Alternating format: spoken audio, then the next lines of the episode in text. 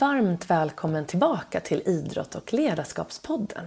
Det är dags för avsnitt 61 och i det här avsnittet så kommer du återigen att få träffa Lars-Erik Unestål som också var med i säsong 1 och i säsong 4. Med tanke på omständigheterna vi befinner oss i just nu med coronakrisen så tyckte jag att det var ett, en fantastisk möjlighet att få bjuda tillbaka Lars-Erik Unestål som då grundade mental träning redan på 60-talet.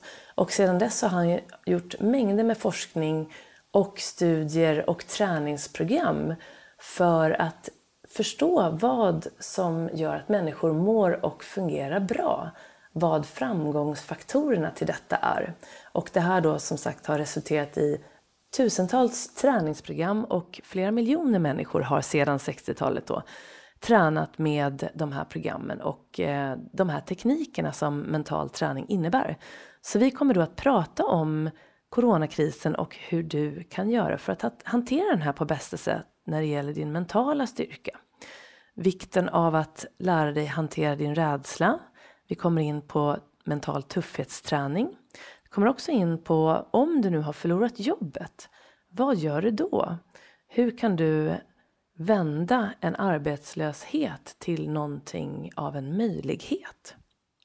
Så vi kommer prata om det och vikten också av eh, din attityd i sådana här kriser. Så att helt enkelt hur du hanterar motgångar. Och eh, vi pratar lite grann också om andning och vikten av att behålla lugnet när det gäller. Och då kommer vi in på Anders Olsson vid ett tillfälle och han är ju också med i den här podden och vill du lyssna mer om honom så finns han i avsnitt 37, säsong 6. Och på slutet av det här programmet så tänker jag dela med mig av en modell som jag använder väldigt mycket när det gäller just att lära sig acceptera nuläget och släppa taget om sådant som du inte kan påverka. Som vi då också pratar mycket om i det här programmet. Så häng med till slutet där jag också har med en dikt om attityd, din attityd. Men nu ska jag sluta prata så ska du få luta dig tillbaka och jag önskar dig en riktigt trevlig lyssning. Nu kör vi!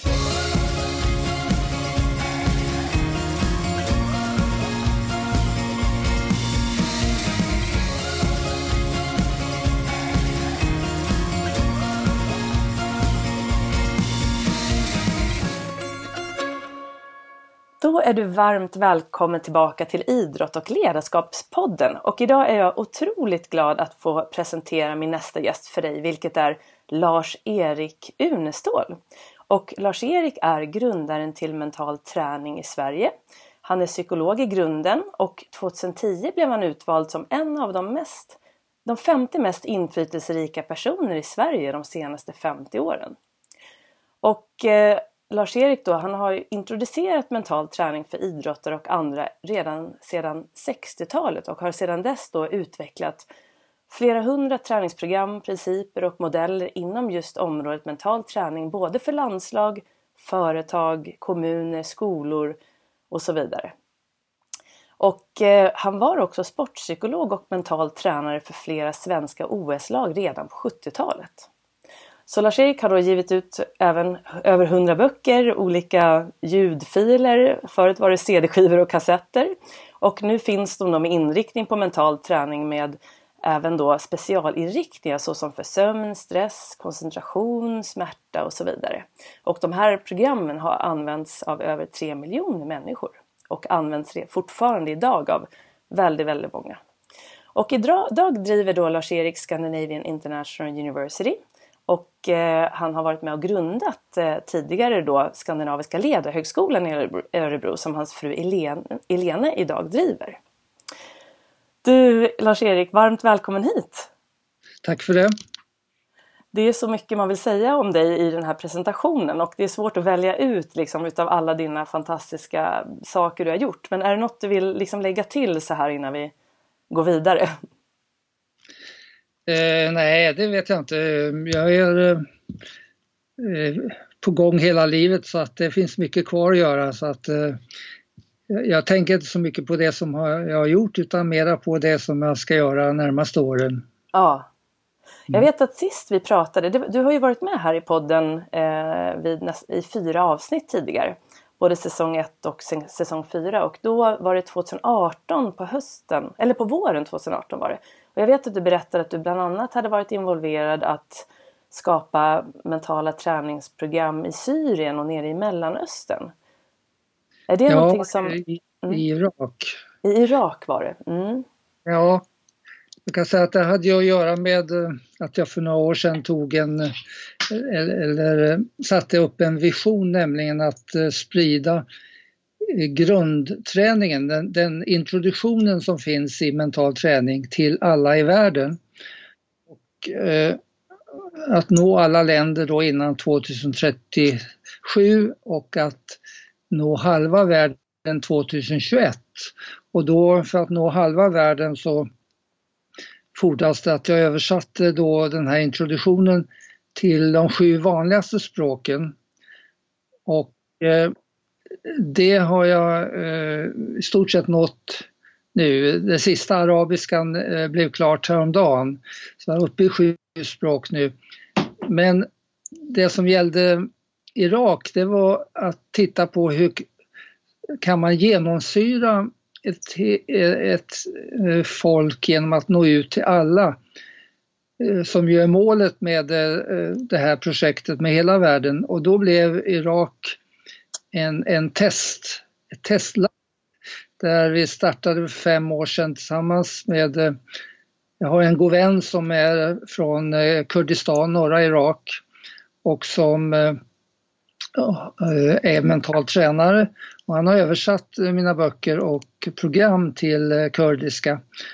Och då fick vi för fem år sedan en inbjudan från regeringen i Kurdistan och speciellt hälsoministern som hade blivit intresserade av mental träning om att försöka introducera det och nå ut, nå ut till alla. Och förra året så hade vi nått ut till alla Eh, med den här grundträningen. Eh, och eh, då, hade, då gjorde, vi, gjorde jag ett program som hade att göra med oro och ångest med tanke på IS härjningar i och det har också varit till stor nytta med det programmet. Och i år så når vi ut till alla skolor med, med programmen som är till för skolan. Så det är mera ett sånt här testland för att se vad händer om man får alla i ett land att börja träna mentalt. Och, hur, vilken feedback har du fått på det nu? Ja, från de som har... Bra feedback. Ja. Eh, och eh, Abdullah som jag jobbar tillsammans med, han är ofta där och eh, eh får Eh, ständigt jättebra feedback på vilken effekt det här har haft. Och det har ju varit eh, ganska enkelt genom eh, att mental träning som du vet är ju någonting man gör själv. Mm. Och det enda som man behöver är ju att introduceras till träningen, bli motiverad och sen få själva träningsprogrammen. Så på det sättet så skiljer den sig från mycket annat där man behöver konsulter och man behöver folk som är, eh, med och, gör saker. Medan här är det mera fråga om att få människor intresserade och sen kan man ju genom internet och så nå ut till alla idag. Så på det sättet har det blivit mycket enklare just att sprida eh, den mentala träningen. Eftersom eh, det är precis som fysisk träning att det händer ingenting om man bara lyssnar på mental träning eller läser böcker om det utan det är ju först när man gör någonting som det händer när man börjar träna. Och det är ju precis som eh, på ditt område att man kan läsa hur många böcker som helst om golf. Mm. Men man blir inte bättre golfare för det förrän man börjar tillämpa det i, i träningen. Nej. Och det här leder mig in på det som jag tänkte vi skulle prata väldigt mycket om idag. Just det här med vikten av mental styrka när man är i en kris. Som jag tänker Irak då som har varit väldigt eh, vad ska man säga, de har mycket, tyvärr mycket erfarenhet kring just kris och eh, krig och så vidare. Men vi då i väst är ju kanske lite mindre erfarna utav det med tanke på att vi har haft det så bra så länge. Och nu är vi då mitt i den här coronakrisen som har Ehm, varit här i några månader. Och i statsminister Stefan Löfvens tal till nationen så tänkte jag mycket på det han sa att han uppmanade oss alla att vara mentalt starka. Och då undrar jag vad du tycker om den här frågan. Liksom, hur mentalt starka tror du egentligen att Sveriges befolkning är? Ja, eh, det beror på vilka man jämför med, men jämfört med eh, de länder du talade om som eh, har haft det svårt eh, under lång tid så har vi ju inte tränats i att ta problem så som vissa andra har gjort. Eh, och eh, det hade ju till exempel när jag skrev eh, den här boken Mental tuffhetsträning, då tog jag ju exempel på, för målet med mental tuffhetsträning det är att eh, eh, vända problem till utmaningar som gör att man växer varje gång man stöter på ett problem. Och eh, det innebar ju att eh, jag försökte jämföra de som har väldigt lite problem med de som får mer problem. Och eh, där visar det sig eh, att eh, de som eh, har det för lätt, det är då en nackdel för att då är det svårt att bli mentalt stark. Och eh, ett område som, eh, som är vårt gemensamma är ju idrotten. Och jag vet att eh, när jag startade en gång i tiden så var, eh, var det ju på eh, så var jag med i, i styrelsen för idrottspsykologin i världen under 12 år. Och då fick jag besöka många länder, bland annat öststaterna.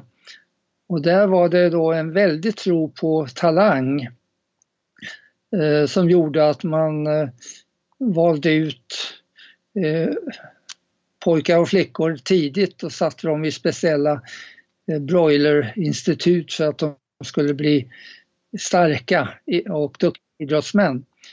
Eh, Eh, och det här spred sig också till andra länder där man talar väldigt mycket om talang och det blev tidig specialisering. Man försökte välja ut de som, som skulle bli bra. Eh, sen kom ju den här forskningen med Anders Eriksson då, eh, som visar att det är träningen som är det viktiga. Och, det. det var han som var med det här med 10 000 timmar? Ja, som det var kom fram till, just det. Mm. Så, eh, Eh, och jag gjorde själv eh, eh, några studier, till exempel simning och tittade på de som lyckades tidigt i sumsim. Och det visade sig att väldigt få av dem blev någonting senare. Och det kom fler och fler studier som visar att det gick inte att förutsäga senare framgång med, genom tidig framgång, det man då kallar talang, att man lyckas tidigt. Och eh, en orsak till att eh, det inte tycks finnas något samband det finns en del som fortfarande tror på det och eh, jag kommer ihåg att när jag var med fotbollsförbundet eh, eller fotbollslandslaget över till VM i Japan, Korea, en del år sedan, så kom jag i dispyt med två tränare som fortfarande trodde på talang. Så jag frågar dem, kan, kan ni ge ett enda exempel på någon som har lyckats inom fotbollen på grund av sin talang? Och de tänkte länge och sen sa de till slut, ja Torbjörn Nilsson sa de. Ja, så jag, då ska vi fråga honom för han skulle komma till Japan veckan efter. Men jag visste vad han skulle svara. Och han svarade precis så som eh, jag visste han skulle säga. Nej, jag ser på mig själv som en ren träningsprodukt. Så den enda de kunde hitta då som exempel på talang, han såg på sig själv som en ren träningsprodukt. Så det, det har varit en myt under många år eh, det här. Och eh, jag frågade Bengan Johansson vid, på ett OS, är det någon i ditt berömda landslag som har varit någon talang? Han sa ingen. Um, Stefan Lögren som var världens bästa handbollsspelare, han var ingenting för han blev 18-19 år. Så, men den här, den här myten har dödat många ungdomars drömmar genom att föräldrarna då har sagt eh, eh att ja, men det går ju inte så bra eh, när de är 12, 13, 14 år. Eh, ska du inte försöka någonting annat? Och så har de, eh, har de då tagit bort möjligheten att bli bra. För det ser man inte i den åldern utan det är de som är, håller på och tränar på. Så. Varför många ger upp när de är talanger det är ju därför att de vinner väldigt, de vinner väldigt lätt från början för de ligger ofta före i mognaden för sina ålderskamrater. Sen när, när de andra når ifatt, eh, ja då vinner man inte lika lätt och då ger man upp. Det har alltså gått för lätt och det såg jag också på andra områden. De som hade lätt för sig i skolan blev inte all, eh, alltid det man trodde de skulle bli. Det gick helt enkelt för lätt. Och jag har massor av sådana exempel på hur, hur eh, eh, människor fortfarande tror och önskar att livet ska vara lätt. Så när jag kommer ut och ska prata om just det här, då brukar jag börja med att fråga hur många av er vill ha lite mer av personliga problem? Ingen räcker upp en hand. Men när föredraget är slut så Eh, är det nog så att de flesta säger ja, jag, jag skulle nog behöva lite mer problem för att eh, träna med att bli stark. För det är ju en, eh, en uppgift i den mentala tuffhetsträningen att ta varje sak som händer som en möjlighet att växa och då blir det ofta det som är lite svårare och problem som gör att man kan växa ännu mer. En annan eh, exempel då, när vi är inne på det här, det var ju att eh, eh jag hade ett eh, eh, tv-program i Finland på 90-talet med Ben Furman. Och ja, du känner ju Ben Furman, han, han känner i Sverige också, de flesta. Psykiater och den som är mest känd i världen för sin eh, pro, solution focused, lösningsfokuserade angreppet i coaching. Men i det programmet som vi hade på 90-talet då ställde han en fråga till finska folket, nämligen ni som har haft en tuff och besvärlig och svår barndom, kan ni höra av er till mig? Man fick flera tusen brev. Och vid den tiden så fanns inga mejl så att eh, det var brev och när han läste de breven så såg han att, eh, eller då gick han tillbaka och ställde en, eh, en fråga. De som kontaktade honom fick frågan Hur är livet, hur, eh, hur kan ni, hur är livet idag i jämförelse med hur har er svåra barndom var det väl påverkat ert liv idag? Och då fick han eh, väldigt många som sa att jag, känner, jag är en väldigt stark människa idag. Eh, inte på grund, eh, inte trots min svåra barndom utan tack vare min svåra barndom. Och eh, det var ju någonting annat än vad de flesta trodde. De trodde ju att eh, problem man möter tidigt, de kommer hänga med hela livet och göra att man blir svag och så vidare. Nej, väldigt många kunde använda det på rätt sätt och bli starka. Ja.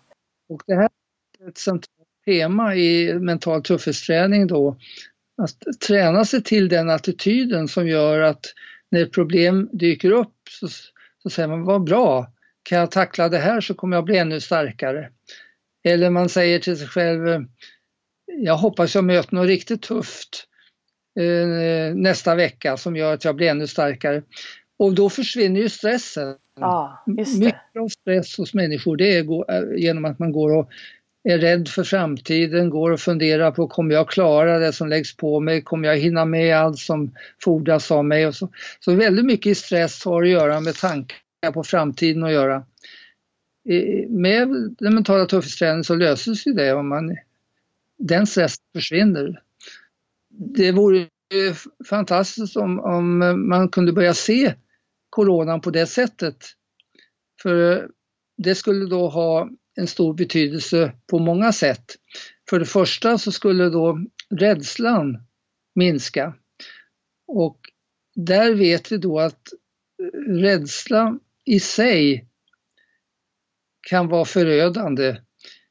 Eh, och jag fick ett mail från, jag är med i hans mailgrupp Bob, eh, eh, Lipton som, Bruce Lipton som eh, är en av de främsta experterna i världen på epigenetik. Han skrev den här boken The Biology of Belief. Han visade hur eh, förväntningar och eh, eh våra trosystem påverkar generna. De, eh, de flesta vet idag så eh, behöver inte en gen för någonting betyda någonting om det inte slås på. Gener kan slås på och slås av och slås en gen av så har det ingen betydelse att man har den genen. Och det här med att slå på och slå av gener, det har väldigt mycket med det mentala att göra. Eh, med inställningen och förväntningar. Och då vet vi ju att eh, det som kallas för nocebo i eh, eh, litteraturen och i forskningen, det är alltså motsats. Eh, placebo bygger mycket på förväntningar. Man förväntar sig att en viss eh, medicin ska ha en effekt och då har även sockerpiller den effekten till stor del inte eh, 100 procent men eh, ofta är det en 40-50 procent av effekten som kommer genom att man tror att man tar medicinen trots att det är sockerpiller. Mm. Eh, så förväntningar har man visat har en direkt påverkan också på kroppen, inte bara på sinnet. Och då finns eh, då motsatsen, nämligen nocebo, som är negativa förväntningar och som är rädsla. Just det. Och där så eh, finns det väldigt mycket dra dramatiska exempel på att en rädsla till och med kan eh, döda. Eh, och han, jag kan ta några exempel på det strax, men han skriver då i det här brevet om vilken, vilken eh, eh elände det är när massmedia eh, skapar en slags hysteri och en, jättestor rädsla hos människor.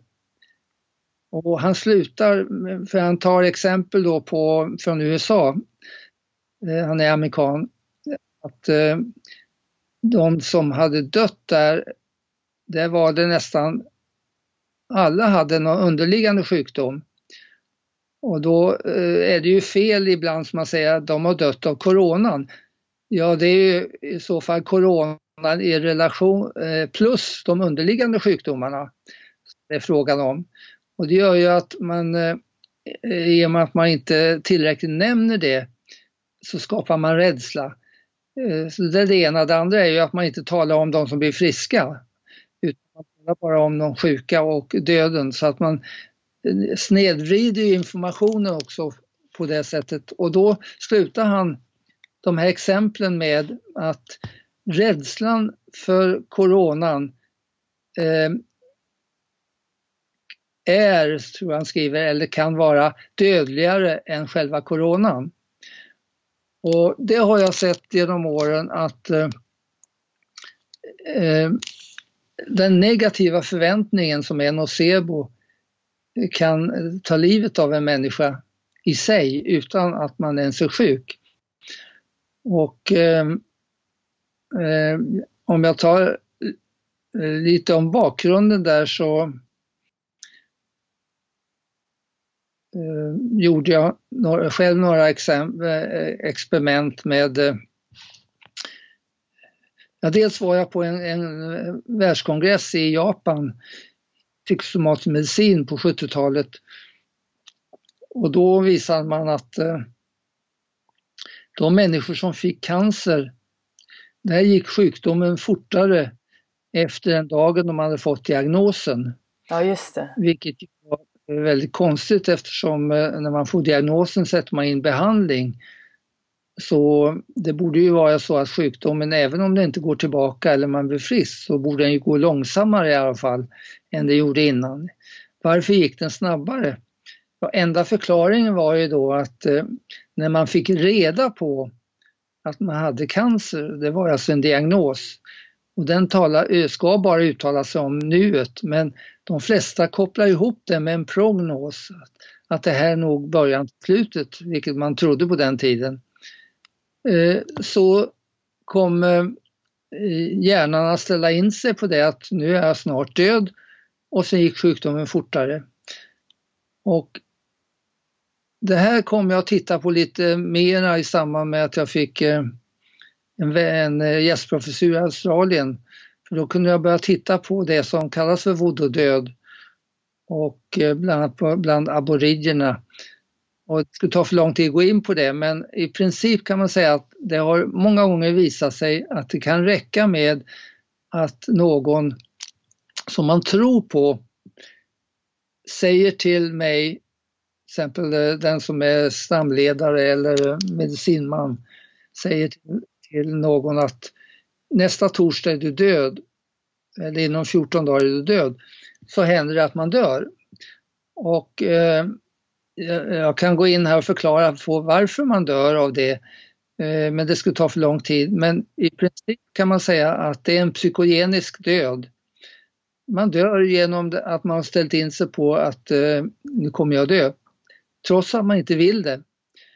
Så det här gör ju då att det blir oerhört viktigt att eh, eh, i alla fall hindra folk att dö på grund av att de är rädda för coronan. I vilket fall drar det till att man lättare dör. Så eh, det har varit eh, jätteviktigt att eh, försöka upplysa om det här, de här nocebo-effekterna. Och jag undervisar på Karolinska lite på 80-talet eh, på medicinarutbildningen första året och, och då försökte jag slå in att man får aldrig som en läkare säga att eh, jag tror att du har så och så lång tid kvar att leva. För det är precis som att skicka någon i döden. Eftersom man vet att den man tror på, ett sådant uttalande blir, eh, kan göra en oerhört stark effekt och påverka kroppen. Eh, ungefär som i samband med voodoo. Så att eh, där är jag glad att säga att det är väldigt få läkare idag som säger på det sättet de gjorde på 80-90-talet. Och i vilket fall, det här är ett jätteintressant område det här med nocebo och eh, jag tror att det vore väldigt viktigt att få ut det budskapet eh, idag då där många människor är rädda för, eh, för eh, corona, alla olika former av corona och eh, eh när man tittar på dödligheten så är det många fler som dör av rökning eller av luftföroreningar än av corona. Men du Lars-Erik, det jag undrar, när jag lärde mig det här med nocebo och placebo så började, blev jag lite sådär själv, nästan lite orolig sådär att nej nu får jag inte tänka negativt eller bli rädd för, för då kanske jag framkallar någonting som jag för jag har väldigt bra gener i grunden och så jag kommer ihåg att jag tyckte att det var lite svårt hur jag skulle förhålla mig till det för att ibland möter man ju rädslor och om man blir orolig för framtiden, speciellt när jag fick barn och sådär. Men hur skulle du säga om man nu går tillbaka till det här med coronan och så känner vi den här rädslan till och med för oss själva, även om den inte är farlig till den största massan som är friska och unga är ju inte det här farligt för vad man har sett i forskningen och i studierna som hittills, även om det är väldigt nytt. Men hur skulle du säga att man ska hantera det här för att inte bli rädd? Eh, ja, det går inte att säga till sig själv att eh, nu får jag inte vara rädd. För rädsla styrs inte av tankarna på det sättet att eh, eller nu ska jag nu måste jag vara lugn eller nu måste jag vara glad utan det är, känslor är någonting som, eh, som man får styra på ett annat sätt och i det här fallet med eh, coronan så är det väl eh, det som jag var inne på att det är bra att eh, man får en, en jämvikt i informationen istället för att det bara talas om de som dör och dödstalet eh, eh, och i olika länder. Eh, att man eh, börjar titta på dem i den informationen som ändå finns på hur många som tillfrisknar, hur många som får det utan att ens veta om det, hur många som har väldigt lindriga symptom och eh, hur många av dem som får allvarliga symptom som, som överlever och så vidare. Och att de som dör ofta är väldigt få som bara har corona. Eh, de flesta har andra saker som gör att... att, att eh, men eh, då gäller det också att välja ut informationen från de kanaler och de program som ger den här mera nyanserade informationen.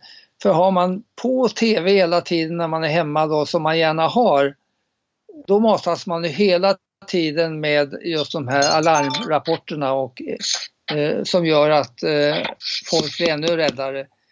Ja, och så inte kolla på nyheterna kanske max en gång per dag och sen sålla ut då de här kanalerna som har lite mer, vad ska man säga, nyanserad nyhetsrapportering. Mm. Och vet man då hur, eh, har man då hört hur man ska skydda sig, det har man säkert hört så många gånger, ja då behöver man inte höra det en gång till heller utan då, då kan man istället eh, syssla med annat. Mm. Men hur kan, man, hur kan man stärka upp sig mentalt? Säg så här, apropå det här vi började prata om med tuffhetsträning och så. Vi, många här i Sverige då och i västvärlden har ju inte kanske upplevt någon större kris, även om individuellt kanske man har gjort det, men inte en sån här liksom eh, världslig kris som, ett, eh, som det här har blivit. Och så har man liksom, säg att du aldrig har tränat mental träning förut. Vart kan man börja då? Om du märker då att du upplever oro, rädsla och eh, apropå grundträningen. Vad skulle du säga är det första som alla behöver göra? Ja, eh, första är ju acceptansen. Eh, man accepterar att det är så här nu.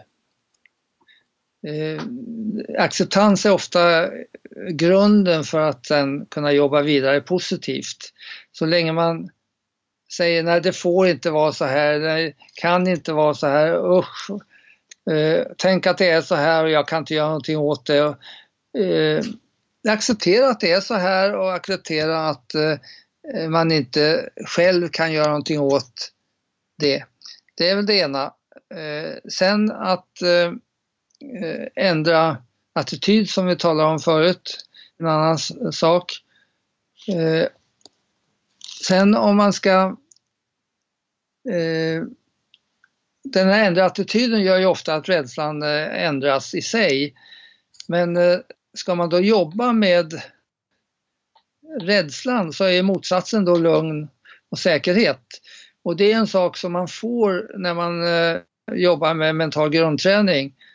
Så eh, där skulle man ju önska att många tar det här tillfället när man nu är hemma och inte kanske har så mycket annat att göra att man då verkligen tar tillfället att börja träna mentalt. För eh, eh dels så gör man ju själv, man behöver bara skaffa träningsprogrammen, man har gott om tid och man får eh, lära sig någonting som man har nytta av även när coronan är slut. Och man använder då eh, den tiden man får av coronan till att göra det så att det blir ju massa fördelar där man eh, då ser att eh, eh, nu när jag har fått den här möjligheten på grund av coronan så kan jag använda den till att eh, bli mentalt stark som jag kommer att ha nytta av, inte bara i samband med coronan utan också för all framtid. Just det, och de här eh, träningsprogrammen finns ju i sån här app som ni har nu som heter Mental Training och då börjar man med det som heter mental grundträning med muskulär avspänningsträning först och sen mental avslappning och, och så går man vidare där, eller hur? Ni har den appen? Ja, ja just det. Mm. Precis. Eh, sen så är det ju så att eh, när man... Eh, alltså tankarna kan de flesta människor inte styra utan de kommer vare sig man vill det eller inte. Och det här att man eh, har lättare att tänka på det som är eh, negativt och det man är rädd för än på positivt. Det är någonting som finns inbyggt hos varje människa. Jag har visat det i flera experiment att man fångas lättare av de tankar som har den starkaste emotionella komponenten i sig, den starkaste känslan i sig. Och rädslan är ju då en stark känsla. Så det man är rädd för det fångar tankarna som en magnet. Så, och eftersom vi styrs av våra tankar så blir det ju automatiskt så att eh, de tankar som har med eh, det som orsakar rädslan att göra eh, påverkar mig negativt. Så eh, ett sätt att eh, eh, komma till rätta med det är ju då att få bort rädslan som sa förut. Inte det att säga så här får jag inte tänka. För då är det tvärtom. Alltså om man, om man har en negativ tanke som kommer till mig och jag försöker slå bort den, då kommer den tillbaka oftare. Det har visat sig eh, många undersökningar att eh, de tankar jag inte vill ha, de kommer allt oftare ju mer jag försöker motarbeta dem. Och det första är att inte motarbeta de tankarna utan acceptera dem. Eh, att det är en tanke som kommer men att se till att man inte för det är inte tanken i sig som är negativ utan det är den känsla som tanken ger upphov till. Så det är kopplingen mellan tanke och känsla som är det som man behöver bryta. Så om man tillåter tanken att komma och sen eh, bara observera den, titta på den, eh, men gör, man gör inget åt den. Och sen låter man den gå, man säger. Eh, till och med kan man eh, jag brukar skämta ibland när jag lär ut det här och säga att eh, eh, använd humor och säga jaha, hej, kommer du igen den här tanken? Eh, Kalla den för någonting Nicke. Ja, tyvärr har jag inte tid med dig utan du får gå. Ja, då tröttnar den att komma om den inte ger upphov till en känsla längre. Så det, eh, då kan man lättare få bort sådana Ja. Jag hörde från en yoga, jag håller ju på med yoga då och eh, en av mina yogalärare sa, och det här vet jag inte, har jag inte sett någon forskning på, men hon berättade att en känsla, om man kan ta hand om känslan, alltså säg att du tänker på något så kommer en känsla som man inte vill ha. Och då om du andas dig igenom det så försvinner känslan eller den blir till en annan känsla efter 90 sekunder. Har du hört någon sån tids, eh, tids eh, liksom, eh, perspektiv på det här. Att, att om man andas igenom det så kommer den bara efter 90 sekunder att byta och bli en annan känsla. Vilket gör att man i princip släpper taget om den där jobbiga känslan. För att med andningen så blir det oftast också en lugnare känsla. Ja visst. Eh, för då försöker du inte få bort den utan eh, du har den kvar och behandlar den med eh, avslappning och andning.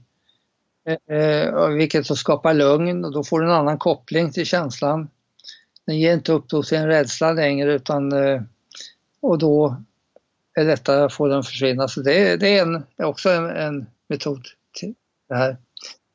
Um, man kan ju känna lite grann som att det här med rädslosystemet och stresssystemet som är det här inbyggda vi har och där vi också vet liksom nu att det finns inbyggt att negativa tankar är någonting som du tänker på mer. Om vi alla visste om hur vi människor fungerar som människor, att det här det här att vi kan inbilla oss eh, rädslor även om det inte är en riktig rädsla som faktiskt är med det här med Corona. Vi sitter kanske hemma och är friska, mår bra men så får vi all den här eh, liksom, informationen om alla som dör och det känns fruktansvärt. Till slut så tror man ju, vet man inte ut eller in. Men om vi visste om och kunde förstå att det här är ett system som stress, att stressen tar igång och att man börjar med att eh, så att säga botar eller receptet, eh, vaccinet mot rädslan då börjar med att bli lugn först men att sen då acceptera och sen det här med ändra attityd. Eh, då skulle det bli lättare, eller hur, för alla? Om man förstod att det här var väldigt normalt. Absolut, för att eh, ett sätt är ju, och som vi pratar om nu, det är ju att jobba med en speciell tanke som kommer som man vill bli av med. Men Sen har vi också det här med att väldigt många av eh, nocebo-tankar eller negativa tankar, de är automatiserade. Så i den kognitiva eh, terapin eh, så pratar vi mycket om automatiserade negativa tankar.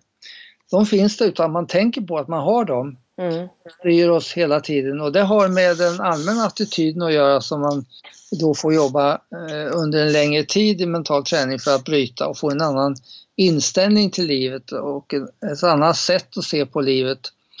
Eh, och mycket i den mentala träningen är ju på det sättet att det, eh, det förändrar saker som är automatiserade, vanor och så som vi gör och ibland som vi inte tänker på.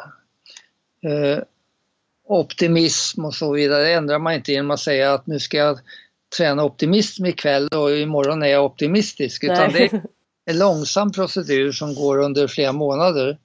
Och, och det gäller självkänsla och det gäller mycket annat också. Att, att eh, det är ett helt system som behöver förändras på. Så vi har både enskilda tankar som man kan specificera och, och välja ut men sen har vi hela systemet då, mitt sätt att se på tillvaron som kan behöva ändras i mer positiv riktning.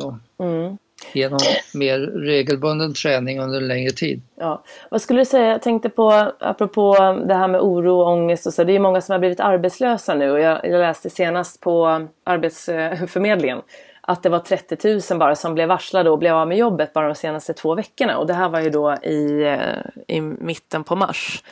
Och då undrar jag, vad skulle du säga om, om man har blivit arbetslös så att allting har förändrats, du kanske har svårt att se, apropå framtiden då, man blir väldigt orolig för att det finns en ekonomisk eh, oro, det finns en många oron som kommer samtidigt så att säga. Vad skulle du säga till dem för att inte sjunka ner liksom i nedstämdhet och depression? Eh, ja, alltså det gäller ju då att inse, eh, acceptera situationen. Det är det första. Eh, Sen att titta på, och det gäller överhuvudtaget eh, problem när man ska lösa problem, ligger eh, vilka lösningar ligger inom min, min kontroll? Just det. Eh, och vad är det som ligger utanför min kontroll? Och där är ju en viktig princip då i mental träning att inte eh, inte fokusera på det som ligger utanför min kontroll.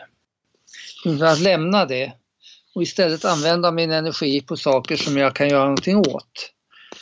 Eh, det, man möter, bortsett från Corona nu, så är det ju så att eh, massmedia inte bara då har eh, skildrat coronan eh, 90 procent av all tv-tid utan eh, man har ju många år till eh, skildrat bara 10% av världen och inte de 90% som fungerar bra. Och 90% av människor som, har det, som är lyckliga och har det, och välmående. Utan skilja på de 10% som inte fungerar krig, elände och svårigheter. Och det är klart att det kan vara bra att veta det också. Men eh, det ger ju, om man bara matas med det, så då får man ju en inställning om hur världen ser ut som inte stämmer. Vilket gör att man kan möta ungdomar som säger om världen ser ut så här och jag kan göra så lite, vad är då för mening? Det kan skapa en hopplöshet som gör att man tappar energin också för att göra någonting åt det man skulle kunna göra någonting åt. Eh, så i det här fallet eh, samma sak då att man får fråga sig vad är det jag kan göra någonting åt just nu? Ja, man tar ett exempel. Eh, mitt mål är ju att någon gång få ett jobb. Jag har tappat jobbet. Och då kommer nästa fråga, hur kommer jag lätt, ha lättare att få ett jobb? Och då kom ju frågan in, vad är det som gör att man får ett jobb? Och då brukar jag säga att eh, tyvärr är det många människor som tror att eller som fortfarande tror att skolan som ska vara en förberedelse för livet Eh, om tror man det och så går man då eh, så många år i skolan, sen kommer man eh, efter 12, 10, 12, 14 år i skolan och söker ett jobb. Och sen tittar arbetsgivaren inte längre på betygen. Vilket händer mer och mer de sista tio åren. Allt fler arbetsgivare som inte tittat på betygen. Eh, och då brukar jag fråga arbetsgivare, vad tittar du på istället? Ja, jag tittar på emotionell kompetens, social kompetens, jag tittar på hur man kan samarbeta, hur självständig man är och eh, vad, vad man är för typ av människa och så vidare. Eh, då har jag försökt att skapa ett ord som jag tänkte starta en utbildning till och det är anställ, eh, anställningsbar. Att öka min möjlighet till anställning. Eh, hittills har det här med anställningsbarhet varit kopplat till utbildningar i ett visst yrke eller ett visst område. Eh, men om man inte tittar så mycket på betygen längre och många arbetsgivare säger det man behöver kunna på mitt jobb, det lär man sig på några veckor. Får jag bara tag i rätt person så kan jag lätt lära upp vad de ska göra sen. Det innebär ju då att om man, om man börjar fundera på det, anställningsbarhet istället, så kan man säga att ja men vilken möjlighet jag har nu när jag ska vara hemma i flera månader att bygga upp min anställningsbarhet som gör att jag kommer lättare få jobb i framtiden. Jättebra. Det är ju någonting annat att ta en kurs på ett visst område då. Men du har inte den kursen nu? Den skulle, det Ja, skulle varit bra. Börja titta på hur den ska vara. Men Ja. eh, mental träning ingår ju den förstås. Ja men exakt. Ja, Så ja. ett, tip, ett ett tips då. Vi börjar med mental träning. Ja exakt och att det finns ju väldigt mycket om man nu inte har så mycket pengar. Så finns det ju väldigt mycket tillgängligt som inte kostar så mycket när det just, gäller just mental träning och effekten och resultaten kommer att då kunna påverka möjligheten att få ett bra jobb för att du kommer både må och fungera bättre med den mentala Absolut. träningen. Ja, man får ju... Man blir lättare att ha att göra med som människa. Eh, dels så får man ju jobba upp sin självbild och eh, vi vet ju självkänslan, hur mycket den betyder för att fungera bra på ett jobb. Ett annat område är ju mål och motivation. Och vem, vilka är det, vad är det man söker hos medarbetare? Ja, det är ju motiverade medarbetare, det kommer väldigt högt upp på listan. Människor som är motiverade. Det får man ju också jobba med. Eh, attityden, det här med den positiva inställningen, eh, optimismen och så vidare. Så det är en rad saker i själva mentala träningen som kommer att ingå i den här kursen i anställningsbarhet också. Ja men exakt. Tjuvstarta den kursen redan nu. Ja, precis. Men apropå motivation då, när, när du märker att du tappar motivation så brukar jag koppla det väldigt tydligt till att det ofta handlar om att man inte har tydliga mål eller man vet inte vart man är på väg och det, det känns väldigt sådär, man kanske inte tror att man ska nå sina mål. Så vad kan man, vad, har du någon övning för vilken fråga man kan ställa sig själv apropå det här med mål för att kunna skapa mål så att säga som är, som är motiverande i nuet? Vilken fråga kan man ställa sig där? För att våga ta tag i det. För det kan ju vara liksom att det betyder att man byter yrke eller det kan ju bli Vissa vågar ju inte fråga sig det där. Eh, Det, är ju, det här med mål och motivation är ju en sak som vi skulle kunna prata om i flera dagar. Ja, Eh, Om man ska ta ut någonting där eh, så eh, jag, kan näm- ja, jag kan börja med att nämna att eh, när jag tittade på det här, så, eh, vad är det som ger framgång? Eh, på, på 70-talet, jag började med idrotten och, och tittade på landslagen för att se vad de hade som eh, de som inte var med i landslagen inte hade och fick fram de här fyra faktorerna som man kallar för framgångsfaktorer eller smakfaktorer. Själv- Självbild, målbild, attityd och inre känsla. Eh, Sen när vi, jag undersökte det utanför idrotten då fanns bara de tre första med, självbild, målbild, attityd, inte känslan. Och det här ledde fram till att skilde på yttre framgång och inre framgång. Eh, där yttre framgång är att man lyckas då i sitt yrke och i karriären och ekonomi och så vidare. Medan inre framgång det är känslan av lycka, glädje, tillfredsställelse och så vidare. Och där fanns det Mm. inga kopplingar mellan yttre och inre framgång. Så människor som har haft ett mål av att eh, till exempel bli mera tillfredsställda, glada, lyckliga och välmående, de har ofta trott att om jag lyckas i karriären, eh, då kommer jag att bli så. Men det, har- det har vi övertygande visat i alla år att det, det ena ger inte det andra. Eh, jag tittade på, frågade politiker vid, eh, års, vid eh, millenniumskiftet vad är mål, har målet för Sverige varit under 1900-talet? Ja, att bygga upp ett folkhem, att bygga upp ett bra samhälle. Jaha, men vad är målet med det då? Ja, vad då målet med det? Ja, vad är målet med det? Ja, så småningom kom det fram jo, att människor ska vara glada, tillfredsställda och lyckliga. Jaha, så det är själva målet? Ja, visst. Är det inte dags att titta på om det ena har gett det andra? Jo, det tyckte de, så vi gjorde en lätt undersökning och jämförde 1950 med 2000. Välfärden har gått upp oerhört mycket. Välbefinnandet hade gått ner på de måtten vi hittade. Och det, det finns många studier som visar på samma sak. Så när man ska sätta upp mål i livet eh, då kan man lika gärna börja med det övergripande målet. Att eh, jag ska börja med att må bra. Jag behöver inte vänta på att må bra och känna mig glad, tillfredsställd tills jag har nått eh, något yttre mål. Och det har betytt mycket för många människor att förstå att det ena hänger inte ihop med det andra och att det, det man egentligen vill ha det finns inom räckhåll utan att jag behöver eh, ha ett jobb eller utan att jag behöver eh, lyckas i min karriär och så vidare. Så eh, Eh, den insikten eh, är ju väldigt bra om man får nu.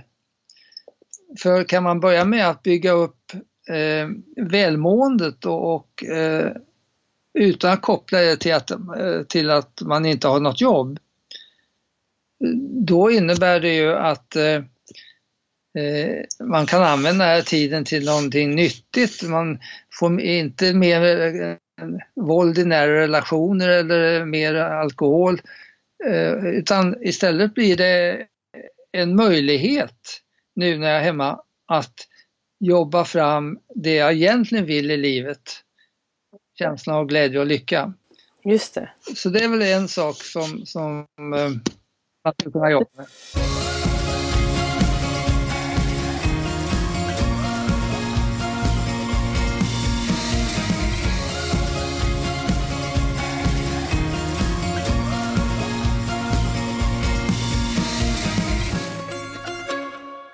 Då har du fått lyssna till den första delen med Lars-Erik Unestål.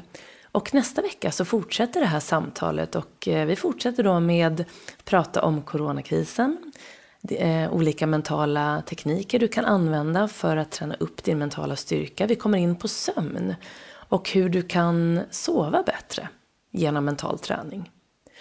Och eh, med det sagt då så vill jag avsluta den här delen med att delge dig utav en modell som jag har lärt mig från mindfulness, mina mindfulness-utbildningar och Sara Emilioni som är min mindfulness-lärare. Och helt enkelt så kan du använda den här modellen när något oväntat händer eller när du märker att du fastnar i en tankeström som du inte riktigt kan påverka, som du märker att du helt enkelt kanske blir orolig och mår dåligt av. Du kanske hör någonting på nyheterna eller blir triggad av någonting som du helt enkelt eh, mår dåligt av eller blir arg på. Så modellen lyder så här. Det är fyra bokstäver. Det är S, O, A, S. Sen är det faktiskt en femte bokstav inom parentes som är ett A. Och jag lägger in det här också i texten till det här avsnittet så att du ser hur det här stavas och vad det betyder. Och S står för stanna upp, så du börjar med att stanna upp. Okej, okay, något händer, jag blir irriterad, jag blir arg, någonting sånt. Och då O är att observera vad som händer och vad du känner. Sen A handlar om att acceptera det du, du känner, vad som händer. Så att acceptansen är så viktig för att komma vidare. Och sen S då, släpp taget om det är något som du inte kan påverka. S är alltså väldigt viktigt, så om du inte kan påverka det, släpp taget. Här kan du använda någon andningsmeditation, en andningsövning, till exempel andningsankaret som jag brukar förespråka och som du hittar eh, mycket av på min hemsida. Så släpp taget. Men det där A inom parentes står för agera. Och du agerar alltså här, men bara om du långsiktigt tror att du kommer att må eller fungera bättre utav det. Så att ibland är det lätt att man agerar först men sen kanske man får dåligt samvete eller man ångrar att man gjorde någonting och så vidare. Så att det är därför det kommer sist och det är därför det också är inom parentes. För det mesta kommer du märka att du kan faktiskt släppa taget om. Så testa och träna på den modellen nu när något oväntat händer eller när du fastnar i en tankeström. Och sen vill jag dela med mig av en fantastisk dikt som jag också har hört i mina utbildningar från yogan och mindfulness. Det är nämligen så att den här dikten är skriven utav Rumi. Och han var en persisk poet och filosof.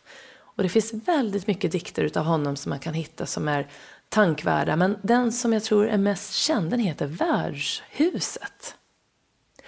Så jag ville dela med mig av den här eftersom vi pratar mycket om attityd och din syn helt enkelt på allt som händer. Och här kommer ju då mental tuffhetsträning in i bilden. Men jag tänkte göra det här lite, ännu lite vackrare genom den här dikten. Så här kommer den. Värdshuset av Rumi. Att vara människa är att vara värdshusvärd varje morgon en ny gäst. En glädje, en sorg, en elakhet eller en plötslig insikt kan dyka upp som en oväntad gäst. Hälsa dem alla välkomna. Även när det är ett gäng bekymmer som våldsamt drar igenom huset och tömmer det på alla möbler, behandla ändå varje gäst med respekt. Han eller hon kan bana väg för en oväntad ny fröjd. Den svarta tanken, skammen, illviljan möt dem alla vid porten med ett skratt och bjud in dem. Var tacksam för vem som helst som kommer eftersom var och en av dem har skickats ut som en vägvisare från bortom. Och så kan du ta ett djupt andetag och med det då så vill jag önska dig en fortsatt skön dag eller kväll. Och så vill jag också önska dig värme och många kramar och att du tar hand om dig. Och så hoppas jag att vi ses här snart igen. Hej då!